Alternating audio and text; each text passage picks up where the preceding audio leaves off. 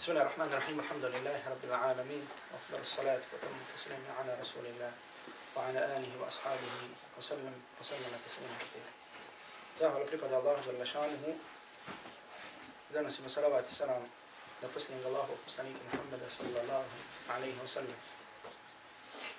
Kaže uzvišeni Allah subhanahu wa ta'ala يا أيها الذين آمنوا اتقوا الله حق تقاته ولا تموتن إلا وأنتم مسلمون. Koji vjerujete, bojite se Allah Đalešanu istinskom bogobojaznošću i nemojte umirati osim kao pravi muslimani. Allah subhanahu wa ta'ala molimo da nas učini od onih koji ga se boje istinskom bogobojaznošću i da nas učini od onih koji će umrijeti samo kao pravi muslimani.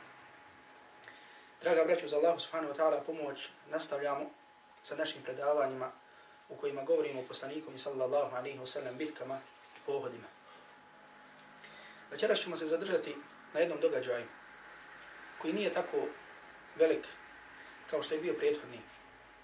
Međutim, radi važnosti i radi pouka i poruka, a pogotovo odgojni pouka i poruka koji sadrži, spomenut ćemo ga i čitavo ćemo jedno predavanje posvetiti tom događaju. Taj događaj je poslanikov sallallahu alaihi wa sallam pohod na pleme Benu Kureyda. Benu Kurejza. Sigurno kao što vam je poznato, pleme Benu Kurejza je jedno židovskih plemena koje je živilo u Medini, gradu Allahu od poslanika sallallahu alaihi wa sallam, prije nego što je poslanik sallallahu alaihi wa sallam došao u Medinu. Prije nego što je poslanik sallallahu alaihi wa sallam učinio hijđu. I zato ako se sjećate, vidjeli smo i čuli smo da poslanik sallallahu alaihi wa sallam, kada je učinio hijđu, kada je došao u Medinu, da pored muslimana koje je našao, koji su bili primjer islam, da je našao tri židovska plemena. To je pleme Benu Nadir, Benu Qajnuka i pleme Benu Kureyda. I poslanik sallallahu alaihi wa sallam, s obzirom da su oni ljudi kojima je data knjiga, odnosno ahlul kitab, poslanik sallallahu alaihi wa sallam je sa njima sklopio ugovor. Sa njima je sklopio ugovor, ugovor koji je zapisan i koji nam je prenešen. I prenesen, prenesene su nam tečke tog ugovora. I draga braću, u tom ugovoru vidimo kakav je odnos muslimana prema ne muslimanima, nemuslimanima koji žele da žive u miru sa muslimanima.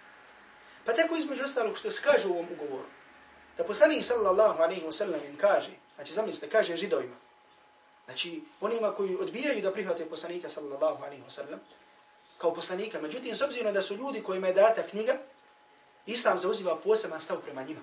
Zato što se, na, zato što se nada da će oni primiti Islam prije nego drugi. Između ostalog u tom ugovoru se kaže da su židovi iz tih plemena ummetun wahidatun ma'al mu'minin. Da su oni jedan narod, jedna zajednica sa mu'minima. Znači da mu'mini, muslimani i židovi, znači ne misli se u smislu vjere, u smislu vjeđenja, nego u smislu međuljudski, međusobni odnosa, komšijski odnosa, da su oni ummetun wahida. Da su oni jedna zajednica. Da su oni šta? Jedan narod. Tako je poslanik sallallahu alaihi wasallam počeo svoju saradnju sa njima. I tako je poslanik sallallahu alaihi wasallam želio da živi sa njima.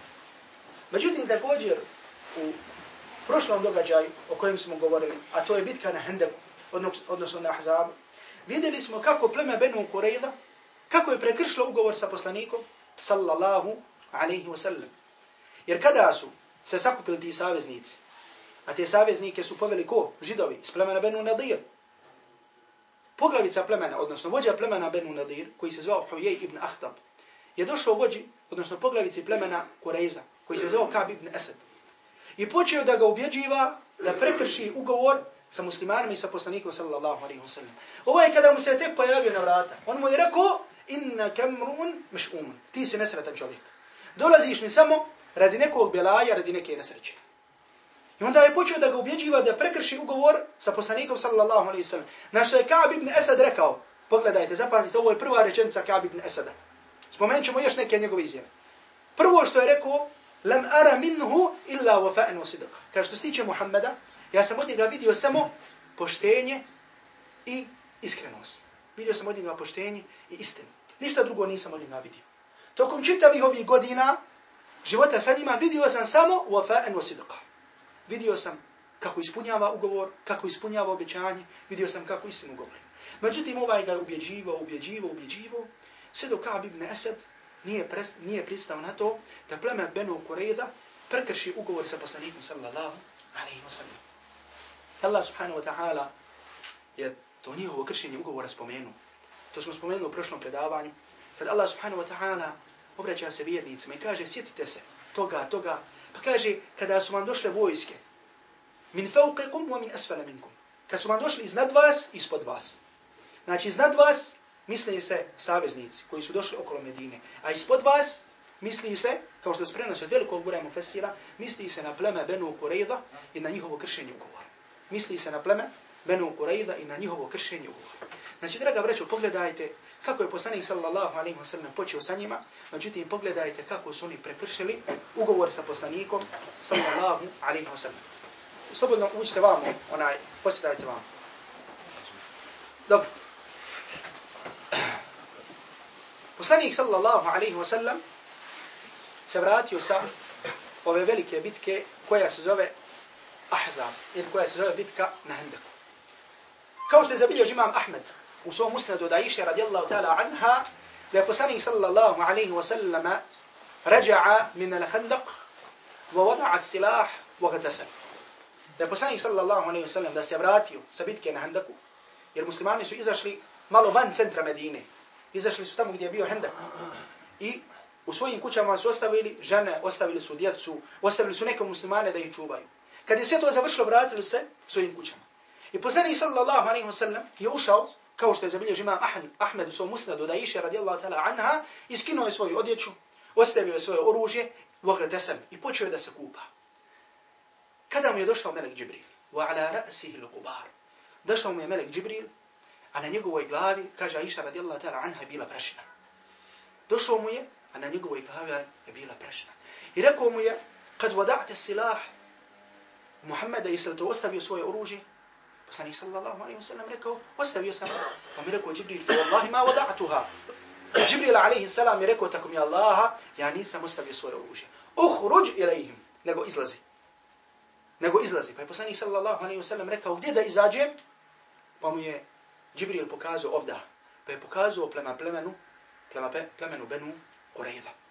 Pa je tada poslanik sallallahu alaihi wa sallam izašao, ko što zabilježi imam Bukhari muslim u svojim sahihima, od Abdullaha ابن عمر رضي الله تعالى عنه دكاج نادى فينا رسول الله صلى الله عليه وسلم يوم انصرف من الخندق. كاج عبد الله ابن عمر بسني صلى الله عليه وسلم ناس يزوغنو كدا سبرات يسهندك كاج لا يصلي أحد الظهر إلا في بني قريضة نكنيكو أدبع سنكرن يا بودني نماز أسم وبلمن بني قريضة تويست أدما كرينت؟ أدما كويس برما أدما نكا كريتشي. I ne, ne mojete klanjati podne, osim kada dođete u pleme Benu Qurayza. A ima Bukhari u svom sahihu zabilježio rivajtu u kojem se kaže neka, neka niko od vas ne klanja i kindiju, osim u plemenu Benu Qurayza. Pa se može spojiti između ova dva rivajta, da se poslanik sallallahu alaihi wa sallam obratio nekoliko skupina. Pa je rekao jednima, ne mojete klanjati podne, a drugima je rekao, ne mojete klanjati kindiju, jer se razlikovalo vrijeme kada im se obratio. Pa su ovi bili na putu, pa kaže su hadisu, فَتَخَوَّ فَنَّاسُ فَوَاتَ الْوَقْتِ Pa su ljudi bili u putu, išli su. Međutim, kako su išli do Benu Kureyve, isticalo, isticalo je vrijeme podne, podne namaza, isticalo je vrijeme kimdje namaz. Fetehavu fe nasu fe vatel vakt. Pa su se sahabi Allahovog poslanika sallallahu alaihi sallam prepali da im ne prođe vrijeme. Da im ne, pro, ne, ne prođe podnevsko vrijeme, a da u njemu nisu klanjali namaz. Pa jedna skupina rekla, fasallu duna, kurej, duna beni Kurejda, Pa jedna skupina klanjala prije nego što je vrijeme izašlo. Prije nego što je vrijeme izašlo. Međutim, druga skupina je šta? Rekla, la nusalli illa hajthu amarana Rasulullah sallallahu alaihi wa sallam. A druga skupina je rekla, nećemo klanjati, osim gdje nam je naredio poslanik sallallahu alaihi wa sallam da klanjamo. To je se u plemenu Benu Qurayza. Wa al waqti, pa makada vrijeme izađe. Pa su znači jedni klanjali u vremenu, a drugi su šta? Drugi su bukvalno shvatili naredbu poslanika sallallahu alaihi wa sallam i nisu tijeli da klanjaju osim u plemenu Benu Qurayza. Kada se sve to završilo, jedni sklanjali ovdje, drugi sklanjali ovdje, Poslije toga su obratili poslaniku sallallahu alaihi wa sallam, fama annafa wahid min al-fariqain. Međutim, poslanik sallallahu alaihi wa sallam nije kritikovao ni jednu od ove dvije skupine. Niti jedno od ove dvije skupine nije uputio ukor. Jedni su postupili ispravno i drugi su postupili ispravno. Tada su muslimani izašli, draga braćo, i došli su do utvrda plemena Benu Koreda došli su do utvrda plemena Benu Qurayza, a poslanik sallallahu alaihi wasallam u Medini ostavio kao namjesnika Abdullaha ibn Umi Maktuma, Poznatog ashaba Allahovog poslanika sallallahu alaihi wasallam koji je bio slijep, radi koga je ukoren poslanik sallallahu alaihi wasallam u suri Abesa wa Tawalla, anđa'ahu a'ma, kada se poslanik sallallahu alaihi wasallam od njega okrenuo, zastavu je poslanik sallallahu alaihi wa sallam dao Ali radijallahu ta'ala anhu, tom poznatom ashabu, ratniku, hrabrom, koji je nosio zastavu do ispred utvrda plemena Benu Qurayda. I muslimana je tu bilo 3000. 3000 muslimana, ratnika je došlo do plemena Benu Qurayda i držali su u opsadi ovo pleme 20, 25 noći. U opsadi su držali ovo pleme 25 noći. Toliko je trajala opsada plemena Benu Qurayda. Međutim, ono što je zadesilo tada na židove, što je zadesilo tada pleme Benu Qurayda, draga braću, jeste da je zadesio veliki strah. Allah Đalešanu je u njihova srca dao veliki strah. Pa nam je tako Ibn Ishaq u svojoj siri zabilježio sa Hasan Sanadom predaju u kojoj se spominje razgovor njihovog glavešine, njihovog poglavice, vođe ovoga plemena Ka'b ibn Asada, koji je neke stvari predlagao svom plemenu. Pa im je prvu stvar predložio, predložio i rekao im je, hajde da povjerujemo u Muhammeda sallallahu alaihi wa sallam. Jer tako mi Allaha, vi znate da je on poslanik koji je poslan od Allaha subhanahu wa ta'ala. I vi znate da je on taj koji je spomenut u vašoj knjizi. Pogledajte kako govori židov. Međutim, koji ni sam kasnije neće prihvatiti islam. Kaže, vi znate da on taj koji je poslanik od Allaha subhanahu wa ta'ala i vi znate šta? Da on taj koji je spomenut u vašoj knjizi. Pa su oni rekli da Bog sačuva da prihvatimo vjeru Muhammeda sallallahu alaihi sallam. Pa im je predložio drugu stvar. A to je da im je rekao, hajde da poubijamo svoje žene i svoju djecu. Znači da mi svojim rukama ubijemo svoje žene i svoju djecu, pa da izađemo lice u lice sa Muhammedom, sallallahu alaihi wa sallam, i sa muslimanima. Pa će pukne da pukne. Jer onda kaže, nemamo iza sebe ništa, nemamo zašto da se bojimo, da se bojimo za svoje žene, da se bojimo za svoje djece, nego idemo da se sa njima suočimo. Pa su oni rekli, zar da ubijemo svoje žene, da ubijemo svoje djecu. Pa im je predložio, predložio treću stvar. Kaže, hajde u subotu, pošto je to bio sveti, to je sveti dan kod židova, oni tada ništa ne rade, ne smiju ni da ratuju, ni da napade. Hajde, kaže, subotom, oni se neće nada da ćemo i mi napasti. Hajde u subotu da ih napadnemo. Pa su onda oni rekli, da Bog sačuva i to da uradimo, subotom da nešto uradi. Pa onda onda rekao, tako mi Allah nema od vas jednoga, jedan jedini trenutak od kako ga je rodila njegova majka, a da je bio odlučan u nekoj stvari. Međutim, onda su oni prihvatili jednu stvar da učine. A to su rekli su mu, dovedite nam muslimana, ashaba, koji se zvao Ebu Lubabe ibn Abdil Munzer. Dovedite nam ashaba koji se zvao Ebu Lubabe ibn Abdil Munzer, pa neka on da vidimo sa njim šta ćemo učiniti. Ovo je bio ashab, poslanika sallallahu alaihi wa sallam, znači zvao se Ebu Lubabe ibn Abdil Munzer. I došao im. Pošto zato što su oni sa njim, sa njim od prije bili prijatelji. Prije nego što je došao Islam, oni su bili u vezi sa ovim ashabom. Pa su rekli, obratili se njemu i rekli su mu, enenzil ala hukmi Muhammedi sallallahu alaihi wasallam, hoćemo li prihvatiti? Hoćemo li prihvatiti uh, presudu poslanika sallallahu alaihi wasallam? Pa im je on rekao da, a pokazuje im je ovako. Wa ašara ila halqi, aj dhabah. To jeste, prihvatite, međutim, bit ćete pobjeni. Bit ćete zaklani. I onda je rekao, međutim, tada je učinio šta? Učinio je grijeh. Učinio je prevaru. Prevario je, zato što je rekao nešto To nije smio da kaže. I onda ovaj ashab, ovaj musliman, a priroda je muslimana da griješi. Međutim, isto tako treba da bude priroda mu da prizna i prihvati svoju grešku i da se pokaje Allahu subhanahu wa ta'ala. Pa kaže Abu Lubabe, fa wallahi wa inna qadamaja fi makani ma hada hatta araftu anni huntu Allahe wa rasulahu. I tako mi Allah, moja stopala su bila na istom mjestu, nisu se pomakla, a kaže, a da nisam spoznao, da nisam shvatio, da nisam razumio, da sam prevario Allah i njegovog poslanika sallallahu alaihi wasallam. Onda ćemo na kraju spomenuti njegov slučaj šta se sa njim desilo. Međutim, oni su još jedno vrijeme odbili da prihvate sud, presudu poslanika sallallahu alaihi wasallam. Toliko je bilo da su neki ashabi bili toliko odlučni da uđu u njihove utvrde, pa da bude šta će biti. Pa je rekao Ali radijallahu ta'ala anhu, Wallahi la adhuqanna ma dhaqahu Hamza, au laftahanna husunahum. Kaže tako mi Allah, ili će se sa mnom desiti ono što se desilo sa Hamzom, ili ćemo ući u njihove utvrde. Međutim, kada su ovo vidjeli, od velikog straha su prihvatili da prihvate, pristali su da prihvate ponudu, e, presudu poslanika sallallahu alaihi wa sallam. Znači šta im poslanik presudi? Oni nisu znali hoće li im presuditi smrt, Hoće li im presud da ih protjera? Hoće li im presud da im oprosti? Nisu znali. Međutim, od velikog straha su pristali da prihvate sud poslanika sallallahu alaihi wa sallam. Poslanik sallallahu alaihi wa sallam, kada je do njega došao taj haber, obratio se plemenu Aus. A znate Ensarije, znači Ensarije, sahabi iz Medine, da se dijeli na dva plemena, Aus i Hazreć. I poslanik sallallahu alaihi wa sallam se obratio plemenu Aus i rekao im, Ala taradavna i jahkuma fihim rađulu minkum? Kaže, jeste li zadovoljni sa tim da im, da njima presudi jedan među vama? Oni su rekli da. Pa poslanik sallallahu alaihi wa sallam rekao, fadake la Sa'd ibn Mu'adh. Dovedite Sa'd ibn Mu'adha, neka im on presudi. A Sa'd ibn Mu'adh je bio ko? Bio ashab Allahu poslanika sallallahu alaihi wa sallam. Međutim, draga breću koji u tom vremenu bio u mesjidu poslanika sallallahu alaihi wa sallam. Poslanik sallallahu alaihi wa sallam je napravio šator u svom mesjidu gdje je bio jer je bio ranjen. I tu se liječi. Međutim, bio je velik i krupan čovjek. Pa su ga doveli na magarcu, na jahalici. I dok su ga vodili, jer ga je zono poslanik sallallahu alaihi wa sallam, da im presudi, ljudi su mu se obraćali i govorili, ahsin ila mewalik, ahsin ila, lije prema njima postupi, lije prema njima budi. Onda je on rekao, kaže, došlo je vrijeme da se ne bojim nikoga nego Allah subhanahu wa ta'ala. Pa je došao sad ibn Mu'ad. Došao tamo gdje su oni bili. Poslanik sallallahu alaihi wa sallam je izvojio židove i držao jednoj kući u Medini, a nije bilo od šest do sedam stotina. Od šesto do sedamsto muškaraca je bilo. Pa im je došao Sa'd ibn Mu'ad, radijallahu ta'ala anhu. I kaže, je rekao im je, tražite od mene da ih presudi, tražite od mene da ih presudi. Hoće li se moja presuda sprovesti, to je presuda će se sprovesti. Pa im kaže Sa'd ibn Mu'ad, fa inni ahkumu fihim an tuqtala rijal. Kaže, moja presuda im je da im se muškarci poubijaju. Wa an tuqassama al-amwal, da im se imetak podijeli.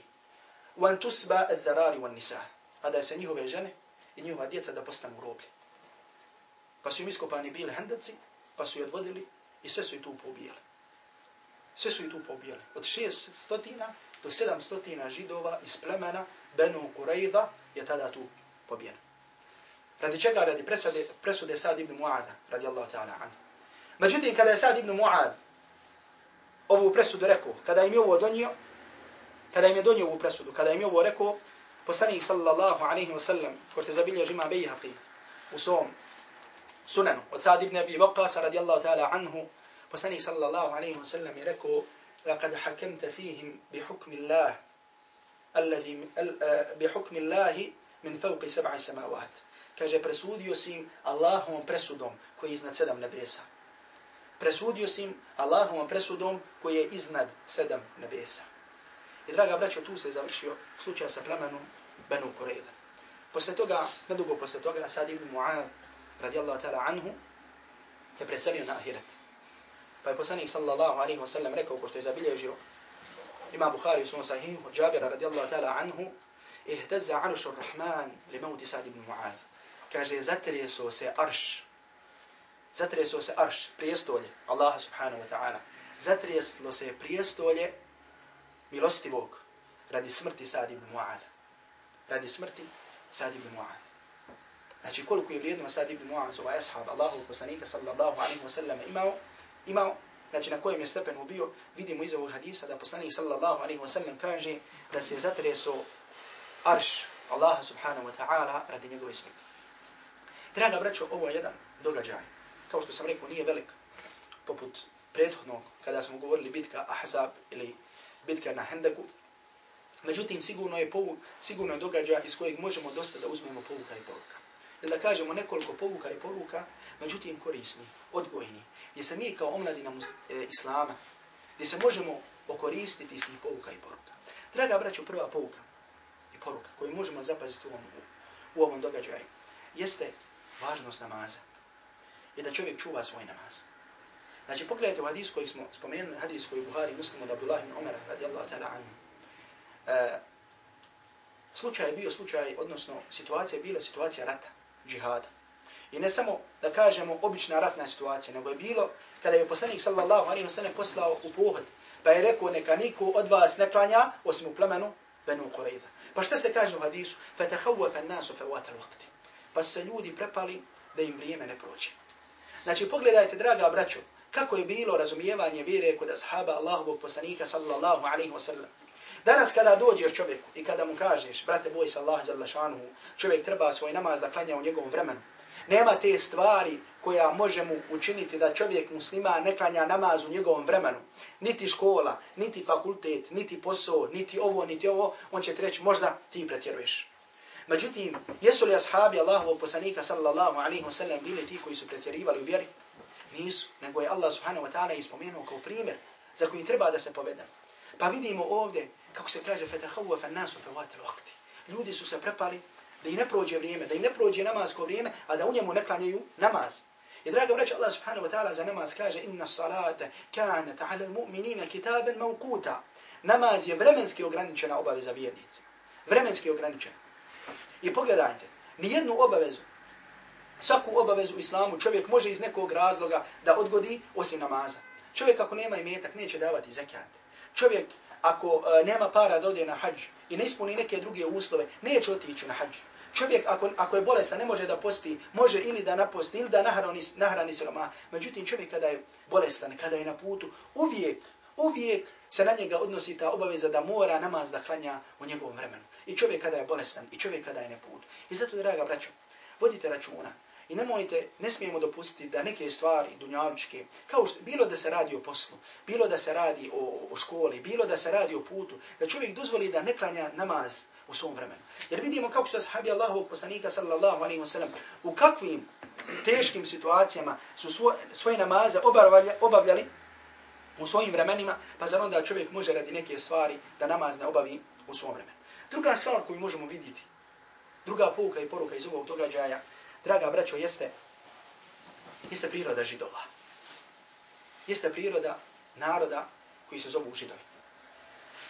O kojima Allah subhanahu wa ta'ala na dosta mjesta u Kur'anu govori. I veliki, da kažem, veliki dio, mnogi kuranski sura govori se o Musau, govori se o narodu, o židovskom, govori se o njihovom kršenju ugovora, o tome kako je Allah subhanahu wa ta'ala proklio tako da. Mi danas također vidimo i svjedoci smo šta ta narod radi muslimanima Palestine šta rade djeci Palestine, šta rade ženama Palestine i tako dalje. Znači ne da učine u jednom trenutku, ne ti u ratnim okolostima, nego uvijek, uvijek, uvijek i nikada ne prestaje. Ono što je osobina ovog naroda, jeste, draga braćo, da, su, da je to narod koji oholi, narod koji zavidi. I svoje zaviste nisu tijeli da prihvate poslanika sallallahu alaihi sallam kao poslanika. Jer nisu mogli vjerovati da može biti poslanik iz nekog drugog naroda, ne iz židovskog. I zato sjetite se one riječi Kab ibn Esada, kada se obraća, kada im govori, hajde da povjerujemo, da povjerujemo poslanika sallallahu alaihi wa sallam. Jer kaže, on je poslanik koji je mursal, koji je poslan od Allaha subhanahu wa ta'ala. On je taj kojeg nalazite u svojim knjigama, oni su odbili. Oni nisu htjeli da prihvatili. Pa niti je Kab ibn Esad, on sam koji je to predložio, nije prihvatio islam niti drugi. A ne samo to, nego je također zabilio ibn Ishaq u svojoj siri, da, je, da su neki ashabi kao što je Sabit ibn Qais, ashab koji se zove Sabit ibn Qais, je došao poslaniku sallallahu alaihi wa sallam i tražio od njega da mu pokloni nekog od tih židova. Jednog svog prijatelja koji se zvao Zubair ibn Bata el-Qurazi. Zubair ibn Bata. Jer je sa njim bio prijatelj. Pa je došao poslaniku alaihi salatu wa sallam i rekao, smiluj mu se. Daj da on ne bude ubijen. Pokloni ga meni. Neka bude moj, ali samo nemoj da ga ubiješ. Pa je poslanik sallallahu alaihi wa sallam rekao, huvalek. On je tvoj. Neće ga ubiti, nećemo ga ubiti, on je tvoj. Pa mi otišao Sabd ibn Qais i rekao, poslanik sallallahu alaihi wa sallam mi je poklonio, odnosno dao mi je, to mi je, prihvatio je moj zahtjev, to jeste nećemo to biti. Pa mi je rekao, šta ću ja uraditi? Čovjek koji nema žene, koji nema djece. To jeste, nemoj da se moja žena i djeca porobe. Pa je Sabd ibn Qais opet otišao poslaniku sallallahu alaihi wa sallam i rekao, Allahu poslaniće, njegova žena, njegova djeca. Pa je poslanik sallallahu alaihi wa sallam rekao, ostaju kod njega. Pa mu se ponovo vratio i rekao poslanik sallallahu alaihi wa sallam je prihvatio i to. Pa neko čovjek, šta ću ja bez svog imetka u Hidžazu? Šta ću ja bez svog imetka?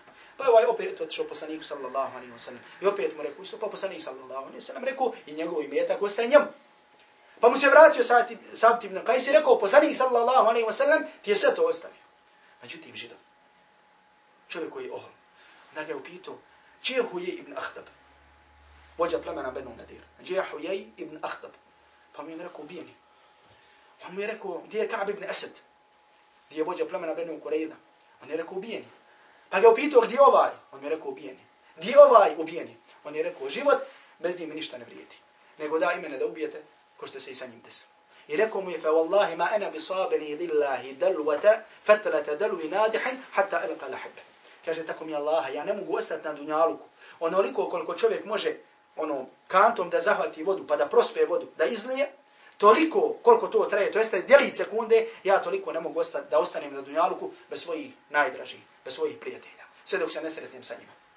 Nego daj, imena ubijte, da ja budem. Znači, pogledajte oholosti tog čovjeka. Pa je Ebu Bekr radijallahu ta'ala anhu, Ebu Bekr radijallahu ta'ala anhu, kada je ovo čuo, rekao, Wallahi, wallahi ilqahum fi nar, halida fiha mukhallada. Tako mi Allah srešće, srešće se sa njima u džahannamu u kojem će vječno ostati. Draga braću, druga osobina židova jeste da uvijek krše ugovor. Da uvijek ugovor koji sklope sa drugima, a posebno sa muslimanima, da ga krše. I da u svojoj krvi imaju veliku mržnju prema muslimanima i prema svemu što je islamsko. Vratite se i pogledajte pravdu islama. Pogledajte pravdu islama u poslanikom sallallahu alaihi wa sallam odnosu, jer možda će neki pametnjakovići i filozofi, na primjer kada najđu na ovaj događaj Sirije poslanika sallallahu alaihi wa sallam, kako je poslanik poubio ove iz plemena Benu Kureyda, reče pogledajte muslimane kakve su, kako ubijaju, kako rade ovako. Međutim, da uzmemo neke druge stvari, da uzmemo neke druge stvari u Pogledajte kako je poslanik sallallahu alaihi wa sallam prihvatio da sa njima živi. Poslanik sallallahu alaihi wa sallam je prihvatio da sa njima živi kao jedna zajednica, kao jedan narod, da se podpomažu, da pomažu jedan drugog, da budu, znači, onako kao što smo sve vidjeli u onom ugovoru koji je poslanik sallallahu alaihi wa sallam sa njima sklopio.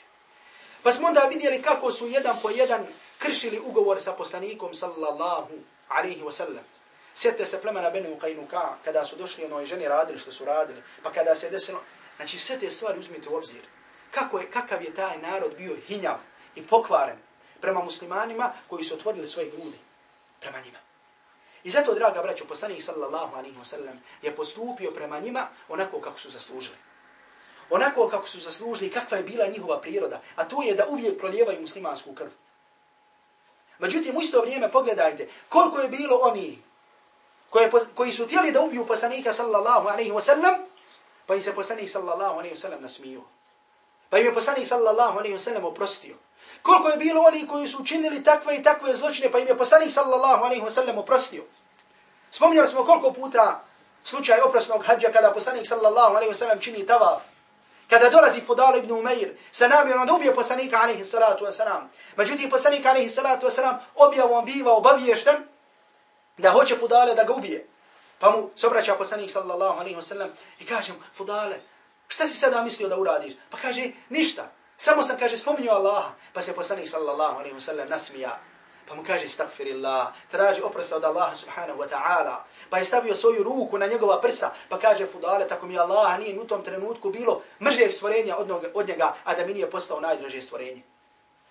Da mi nije postao najdraže. Pa je Thumama ibn Uthal, koji će, njegov događaj će doći poslije slučaja Benu Kureyda. Potražite ga u knjigama Sirije poslanika alaihi salatu wasalam, koji je također htio da ubije poslanika alaihi salatu wasalam, pa mu poslanik sallallahu alaihi wasalam oprostio. Pa onda, kad je na kraju rekao, nije mi bilo mrže vjere od Muhammedove vjere, pa mi je postala sada najdraža vjera, nije mi bilo mrže čovjeka od njega, pa mi je postao najdraža. Koliko god hoćete, vidjet ćete primjera poslanikove sallallahu alaihi wasalam milosti prema onima koji su tijeli da ga ubiju, prema onima koji su činili ovakve ili neke zločine, međutim, taj narod, u čijoj krvi samo da prolijevaju drugu, drugu krv i da kidaju ugovore, poslanik sallallahu alaihi wa sallam je tako postupio prema njima. Druga stvar, draga braću, a to je, druga stvar zbog čega je poslanik sallallahu alaihi wa sallam ovako postupio prema ovome plemenu, a to je da se da do znanja da muslimani, iako praštaju, iako prihvate da ne znam ko je bio kakav, je činio kakve grijehe, i ubio koliko muslimana i ovo radio, ako dođe nam, kao musliman i kaže ešhadu an la ilaha illa Allah wa ešhadu anna Muhammada Rasulullah, mi ga prihvatamo i moramo da ga prihvatimo kao brata muslimana. On postaje naš brat musliman. Da ne znam koliko je bio neprijatelj Islama i neprijatelj muslimana. Kada izgovori riječ ešhadu an la ilaha illa Allah wa ešhadu anna Muhammada Rasulullah i počne obavljati namaz i davati zekat, on postaje naš brat musliman. Međutim, kolika je god milost i rahmet Islama i muslimana prema drugima, isto tako treba da se drugima da do znanja. Da muslimani nisu neko ko se može lahko prevariti. Da nije neko, da nisu neko ko su slabići. koji se boje drugi, nego da, da se da drugima do znanja, da će muslimani prema njima postupati onako kako oni žele da postupaju prema muslimanima. Pa ko hoće sa njima rat, ima rat. Ko hoće sa njima ugovor, ima ugovor. Ko hoće da krši ugovor, ima da krši. Onda će dobiti i on sam kršenje ugovora. Ko želi bilo kako da ponaša se prema muslimanima, tako će se oni ponašati prema njima. I zato, draga braćo, poslije ovoga događaja, u Siri, u životu Allahovog poslanika, sallallahu alaihi wa sallam, imamo jedan sasvim novi, novi period. I zato jedan broj učenjaka koji su pisali Sire, kao što, kao što je šeheh Muhammed Ghazali i drugi, kada govore o ovom događaju, odmah poslije ovog događaja, kažu tawum jadidun. Novi period u životu muslimana. To jeste kada su oni koji su bili oko muslimana vidjeli hrabrost i spremnost i da nisu muslimani uvijek merahametli, ko što su bili, onda su zauzeli drugi stav prema muslimanima. I zato posle ovoga događaja dolazi novi period u životu poslanika sallallahu alaihi sallam, odnosno u istoriji muslimana koji su bili sa poslanikom sallallahu alaihi sallam. Draga braćo, treća stvar, treća odgojna pouka i poruka koju uzimamo iz ovog događaja, draga braćo, to je tauba Ebu Lubabe ibn Abdel Munzira. To je njegovo pokajanje. Vidjeli smo prvo što je učinio, a to je da je prevario Allah subhanahu wa ta'ala i njegovog poslanika sallallahu alaihi wa sallam. Zato Abu Qatar, poznati mu Fesir, kaže u komentaru riječi Allah subhanahu wa ta'ala u suri Anfal, Ja ayuha alladhina amanu, la tahunu Allaha wa rasula, wa tahunu amanatikum. Ovi koji vjerujete, nemojte varati. Subhanahu wa ta'ala, već poslušajte ovaj kuranski ajat. Ovi koji vjerujete, nemojte varati Allaha i poslanika i varati svoje emanete. Nemojte varati Allaha i poslanika i nemojte varati svoje emanete. Draga braćo, vidimo I zato Abu Qatade, ovo da spomenemo, kaže, ovaj ajet se odnosi na Ebu Rubabe ibn Abdul Munzira. Ovaj ajet se odnosi na njega, koji je prevario tako što je samo svojom rukom, samo i šaretom rekao, bit ćete poubijani. E, draga braćo, šta je onda sa drugim muslimanima koji rade druge grije, koji ostavljaju namaz? Najveća stvar posle la ilaha illallah Muhammedu Rasulullah. Da li je to varanje Allaha, varanje poslanika sallallahu alaihi sallam, varanje emaneta? Međutim, kao što smo rekli, priroda muslimana je da pogriješi. I čovjek griješi. Samo meleci ne griješi. Međutim, isto tako priroda pravog muslimana, koji se odgaja na Kur'anu i sunnetu Allahog poslanika, alaihi sallatu sallam, draga braće, treba da bude, da prihvata, da priznaje svoju grešku. Jer zato što fadilati, lijepa je osobina, da čovjek prizna svoju grešku, da kaže pogriješio sam. Da se pokaja Allah subhanahu wa ta'ala. Međutim, da se iskreno pokaja Allah subhanahu wa ta'ala. Draga brać, ovo je stvar koja je potrebna svima nama. Mi iz dana u dan griješimo. Griješili smo. Možda i dan danas griješimo. Činimo neke velike grijehe. Ili neke male grijehe. Međutim, kad se pokajemo Allahu subhanahu wa ta'ala, to treba da bude iskreno. I zato su islamski učenjaci spominjali uslove teube, uslove pokajanja. Koje su to stvari? Draga braćo, nije svaka teuba. Nije svaki put kada čovjek kaže pokajao sam se Allahu subhanahu wa ta'ala, ne mora to znači da je to primljeno kod Allahu subhanahu wa ta'ala. Jer svaki put kada čovjek kaže estagfirullah, je li taj njegov istekfar primljen? Kad kaže alhamdulillah, je li to njegov alhamdulillah primljeno? Svaki namaz kada obaviš, je li ti taj namaz primljen kod Allaha subhanahu wa ta'ala, čovjek nema garanciju. Također isto teuba, kada ostaviš neki grije, kada se vratiš Allahu subhanahu wa ta'ala, da li je ta teuba primljena? Draga braćo, islamski učenjaci iz Korana i sunneta su izvukli uslove da bi teuba, da bi pokajanje bilo. Uslove koji upućuju, odnosno koji moraju da se nađu kako bi pokajanje nekoga bilo primljeno. Pa između ostalog jeste da čovjek odma se okani tog grija. Znači da prestane ikakvu, ikakav kontakt, da prekne sa tim grijom. Drugo, da se čvrsto odluči da se nikada više tom grijehu neće vratiti. Treća stvar, da čovjek u svojoj duši osjeti nadamet. Da čovjek u svojoj duši osjeti kajanje. Pa se ne sad kajanje u smislu te, nego da osjeti da mu je teško radi onih stvari koje čini da osjeti šta, da mu je teško da kaže, ja rab, ja rab, prema tebi sam se ogriješio. I čovjek kada to osjeti, to inša Allah i ta'ala upućuje da se čovjek neće vratiti tom grijehu. Osjetit će gorčinu tog grijeha kojeg je činio. Međutim, ne samo da kaže, tubtu ila Allah, učinio sam to, boj stakfirullah, neću više to raditi, neću Bogam, neću Allah mi to raditi, zakune se Allahom, Allah mi nikad više cigare neću uzeti. Ljud se kunu kaže, vas da trebam post, vas da, vas da trebam, vas da kršim zapret. Allah mi rekao pet puta neće cigare uzeti, opet uzme cigare. Draga braćo, nije to da čovjek kaže tako mi Allah, nego čovjek je da osjeti počinu tog grija, da osjeti uistinu da mu je krivo radi te stvari koje čini, tada čovjek uz Allahu djelašanu pomoć, uz Allahu pomoć, se tome neće raditi. I zato Lubab ibn Abdul Munzar. Pogledajte, draga braćo, slikoviti primjer jednog pravog pokajanja. Šta je rekao? Tako mi Allaha, bio sam, moja stopala se nisu pomakla, a da nisam saznao da sam prevario Allah njegovog poslanika. I onda je rekao, Wallahi, la ezuku ta'aman, wala šaraban, hatta jatuba Allahu alaije. Kaže, tako mi Allah, niti ću jesti, niti ću piti, sve dok mi Allah subhanahu wa ta'ala ne oprosti. Sve dok mi Allah ne oprosti. Pa je otišao u mesčit poslanika sallallahu alaihi wa sallam i zavezao je sebe za jedan stup. I rekao je tako mi Allah, wala ahullu nafsi hatta yakuna rasul Allah sallallahu alaihi wa sallam huwa alladhi yuhalluni. Tako mi Allah, neću se odvezati sve dok poslanik sallallahu alaihi wasallam ne dođe da me odveže. Pa je tako ostao šest noći. Šest noći ostao, svjesan sedam stup. Od čovjeka se ne traži da se veže. Neš se vjeda sedam stup džamije. Razumiješ, činio sam grije, zavežeš se. Dok mi ne dođe te uba, ne. Draga braćo, to se ne traži. Međutim, radi težine svog grija, zato radi osjećanje koje imao, radi grižnje savjesti, to je učinio. Pa kad je do poslanika, sallallahu alaihi sallam, došao taj haber, poslanik, sallallahu alaihi sallam, je rekao, leu džami, restakfartu lahu. Da mi je došao, da je on došao predam, tražio bi oprez za njega. Međutim, neću to učiniti. Neću otići i da ga odvežem, sve dok mi Allah subhanahu wa ta'ala vahjom, dok me vahjom ne obavijesti, da mu je oprošten. Pa je poslanik sallallahu alaihi wa sallam bio u kući Ummu Salame, radijallahu ta'ala anha. Poslanik sallallahu alaihi wa sallam je bio u kući Ummu Salame, fa dahike, pa se nasmio. Pa se upitali Allahu poslaniće, zbog čega se nasmio, pa rekao tibe ala Ebi Lubabe. Kaže, oprošteno je, došao je melek i obavijestio me da je oprošteno Ebu Lubabi.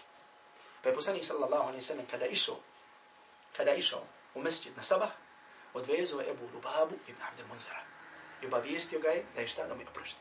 Međutim, pogledajte, draga braćo, znači pogledajte te odlučnosti. Wala ahullu nafsi hatta yakuna Rasulullah sallallahu alaihi sallam huwa alladhi yuhalluni. I tako mi Allah, neću, neću šta, šta, neću se odvezati sve dok poslanih sallallahu alaihi sallam ne bude taj koji će mi odvezati. Znači, pogledajte, draga braćo, ovdje, odnosa ashaba Allahu poslanika alaihi salatu wasalam, odnosa ashaba Allahu poslanika alejhi salatu wasalam prema ashabima. Nije to bio samo odnos. Je li mi oprošteno? Nije mi oprošteno. Znači pogledajte te njihove ljubavi. Sve dok mi Mubarek, poslanikova sallallahu alejhi ve njegova Mubarek ruka sve dok me ona ne odveže. Neću. Neću otići. Međutim, draga braćo, znači, ponovo kažem, znači, ne traži se niti od sunneta da čovjek kada učini neke grije da se veže onaj. Nego, znači, vidimo ovdje samo kolika je bila njegova odlučnost, odnosno kolika je bila njegova želja, odnosno da mu se oprosti koliko je bilo njegovo kajanje. I draga braću, još jednu stvar koju ovdje vidimo ovom događaju. Posljednja stvar, a to je vrijednost ashaba Allahovog poslanika sallallahu alaihi wa sallam. I zato od mišljenja ahli sunnata od džamata jeste da su ashabi najbolja stvorenja posle poslanika. Najbolja stvorenja posle poslanika su ashabi Allahovog poslanika sallallahu alaihi wa sallam. Među njima Ebu Bakr, Omer, Osman, Ali radijallahu ta'ala anhu i drugi ashabi. I zato u svakoj hadijskoj zbirci imate poglavlja fadailu sahabati radijallahu ta'ala anhu. Vrijednost ashaba Allahu poslanika sallallahu alaihi wa sallam. Pa vrijednost Ebu Bakra, hadisi o vrijednosti Ebu Bakra, hadisi o vrijednosti Omera, hadisi o vrijednosti Osmana, hadisi o vrijednosti Alije, eh, Sa'd ibn Ubade, Ebu Horeire, Aiše, za razliku od šija, za razliku od sekte, Rafidija, koji ashaba Allahu poslanika alaihi salatu wa sallam smatraju nevjernicima. Smatraju od najgorih nevjernika. Počeš od Ebu Bakra, Omera, Osmana, Eh, zatim eh, Aisha radijallahu ta'ala anha i drugi, kažu osim nekoliko ashaba, osim troje četvaro ashaba koji su ostali na vjeri, na poslaniku sallallahu alaihi sallam, vjeri da nas Allah djelašanu sačuva od te zabune. Međutim, draga braća, ashabi Allahovog poslanika alaihi salatu wasalam, to je neko za kim čovjek treba da se povede. I neko ko treba da nam bude najveći uzor. I pogledajte ovdje u njihovi vrijednosti. I našla vrijednost Sa'd ibn Mu'ad ibn, uh, Sa'd ibn Mu'ada, radijallahu ta'ala anhu. Pogledajte hadis u Buhari koji smo spomenuli. A to je da poslanik sallallahu alaihi wa sallam kaže ihteza aršu rahman le mauti Sa'd ibn Mu'ad. Milost, uh, arš milostivog se zatreso radi smrti Sa'd ibn Mu'ad. U jednom rivajetu se kaže farahan min farahi rabbi azza wa jala. Od radosti Allaha subhanahu wa ta'ala. Od radosti Allaha subhanahu wa ta'ala što Sa'd ibn Mu'ad odlazi na ahiret. Što dolazi njemu. Znači u rivajetu šeha Albani kaže da su ti rivajeti vjerodostojni min farahi rabbi azza wa jala.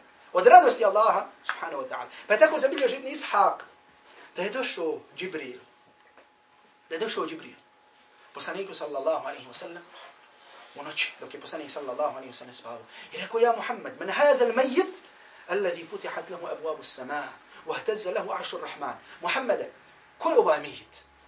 Ko je ovaj mejit kome su se otvorila nebeska vrata? Ko je ovaj čovjek koji umro? Kome su otvorila nebeska vrata i radi koga se zatreso arš?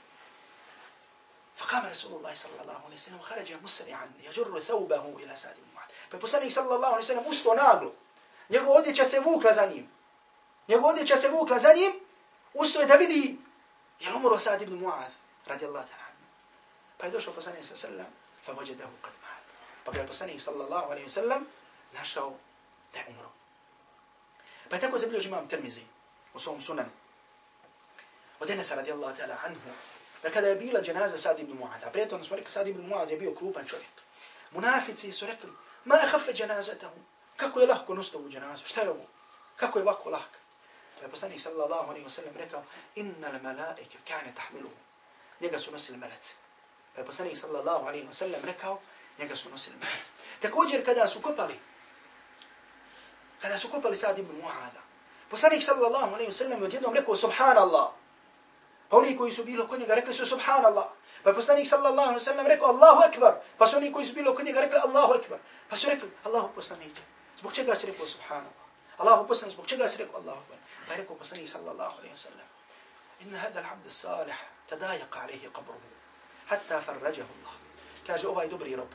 Pogledajte subhanallah. Svjedočenje poslanika sallallahu alaihi wa sallam da je to abd salih. Da je to dobar čovjek. Kaže ovaj dobri rob. Kaže stisnut mu je, stisnuo mu se je kabur. Ovaj dobri rob, stisnuo mu se je kabur. Pa sam kaže to rekao subhanallah, rekao sam Allahu akbar, kaže sve dok mu Allah jel našanu nije olakšao. I da ga obraćao, iz ovog vidimo da mejit, da mejit kada se spusti u kabur, znači prije nego što mu dolaze meleci, prije nego što mu dolaze dva meleka, koji mu postavljaju ona tri pitanja, ima nešto što se zove dahtatul kabur, nešto što se zove stisak u kaboru. Nešto što se zove stisak u kaboru. Pa tako kaže poslanik sallallahu alaihi wa sallam u hadisku, zamio imam Ahmed u svom musnadu, od Aisha radijallahu ta'ala anha, Allah da se čovjek da se čovjek upita za sebe. Kaže poslanik sallallahu alaihi sallam, inna lil qabri daqata. Zaista u kaboru ima stisak. Walau neđa minha ahadun, neđa sad ibn Muhad. Kaže zaista u kaburu ima stisak. Da se iko spasio tog stiska, spasio bi se sad ibn Muhad. Da se iko toga spasio, spasio bi se sad ibn Muad. Znači u kaburu ima stisak. Znači koji normalno zavisi, nekom je jači, nekome je blaži. Međutim, da se iko spasio od ljudi, spasio bi se Sa'd ibn Mu'az. Zbog čega? Radi vrijednosti Sa'd ibn Mu'az. Znači, vidimo, draga braćo, da se arš Allah subhanahu wa ta'ala zatreso radi njegove smrti. Vidimo da su ga meleci nosili. Došao melek Džibril da upita ko je ovaj komro. Međutim, opet pored svega toga, doživio je nešto što se zove stisak u kaporu. Znači, što je normalna stvar za svakoga koji umre. Draga braćo, i mi ćemo doživiti taj stisak. Međutim, da čovjek porazmisli u tom stisku dok je na dunjalku. Jer svako dobro djelo koje učiniš, koristit će ti u kabru. Jer mi, hvala Allahu, Đelešan, Allah subhanahu wa ta'ala, nam je povjerovo, podario znanje Kur'ana i sunnet. Podario nam je znanje Kur'ana i sunnet. Pa mi, hvala Allahu subhanahu wa ta'ala, znam kako nas je poslanik Ali salatu wasalam podučio, znači šta se dešava sa mejitom kada umre. Jer koliko danas ljudi vjeruju, danas imaju muslimana koji su muslimani, međutim vjeruju duša kada umre 50 dana hoda u Sarajevo, Mostar, Zenica, šeta se, dolazi kući, pije vodu, ostavi čašu, ostavi tanjir, ostavi da jede, ostavi da pije, tako dalje. Znači, vjeruju u te stvari, međutim, ne vjeruju ono što treba da se vjeruje. Draga braću, vjeruju u sve te stvari, znači, samo, znači, ne ono što treba da se vjeruje. Nisam još čuo, igraju lopte. Mana bi se tebi mogli javiti. Samo izdaviš. Uglavnom, Međutim, hvala Allah subhanahu wa ta'ala, Allah je šan nas i draga braća obavijesti u Kur'anu i sunnetu. Šta se dešava sa čovjekom od prvog trenutka kada duša napusti njegov, kada duša napusti ovaj, kada napusti tijelo. Znači imamo stisak u kaboru, dolaze meleci, dolaze, pa tako da se čovjek zato sprema. Koriste u znanje jeste da čovjek čini dobra djela, da se kloni stvari, da se kloni haram stvari, jer znači to će mu koristiti ili to će mu štetiti, počeoši od prvih trenutaka kada njegova duša napusti, kada njegova duša napusti ova, njegovo tijelo, kada napusti dunjalu, kada krene prema svijetu ahireta, kada krene prema svijetu ahireta. Pa molim Allah subhanahu wa ta'ala da nas učini, učini od onih koji čine dobra djela, od onih koji se klone onoga što Allah subhanahu wa ta'ala zabrani, da nas učini od omladine koji se drže Kur'ana i sunneta, da nas učini od omladine koja odgaja svoje duše na Kur'anu i sunnetu Allahu poslanika sallallahu alaihi wa sallam i da nas i naše porodice, naše žene, našu djecu učini od onih koji se drže Kur'ana i sunneta poslanika sallallahu alaihi wa sallam i da nas Allah subhanahu wa ta'ala, da nas Allah subhanahu wa ta'ala umrtvi, a da mi budemo na tome. Amin, ja rab. Ako bude uz Allah,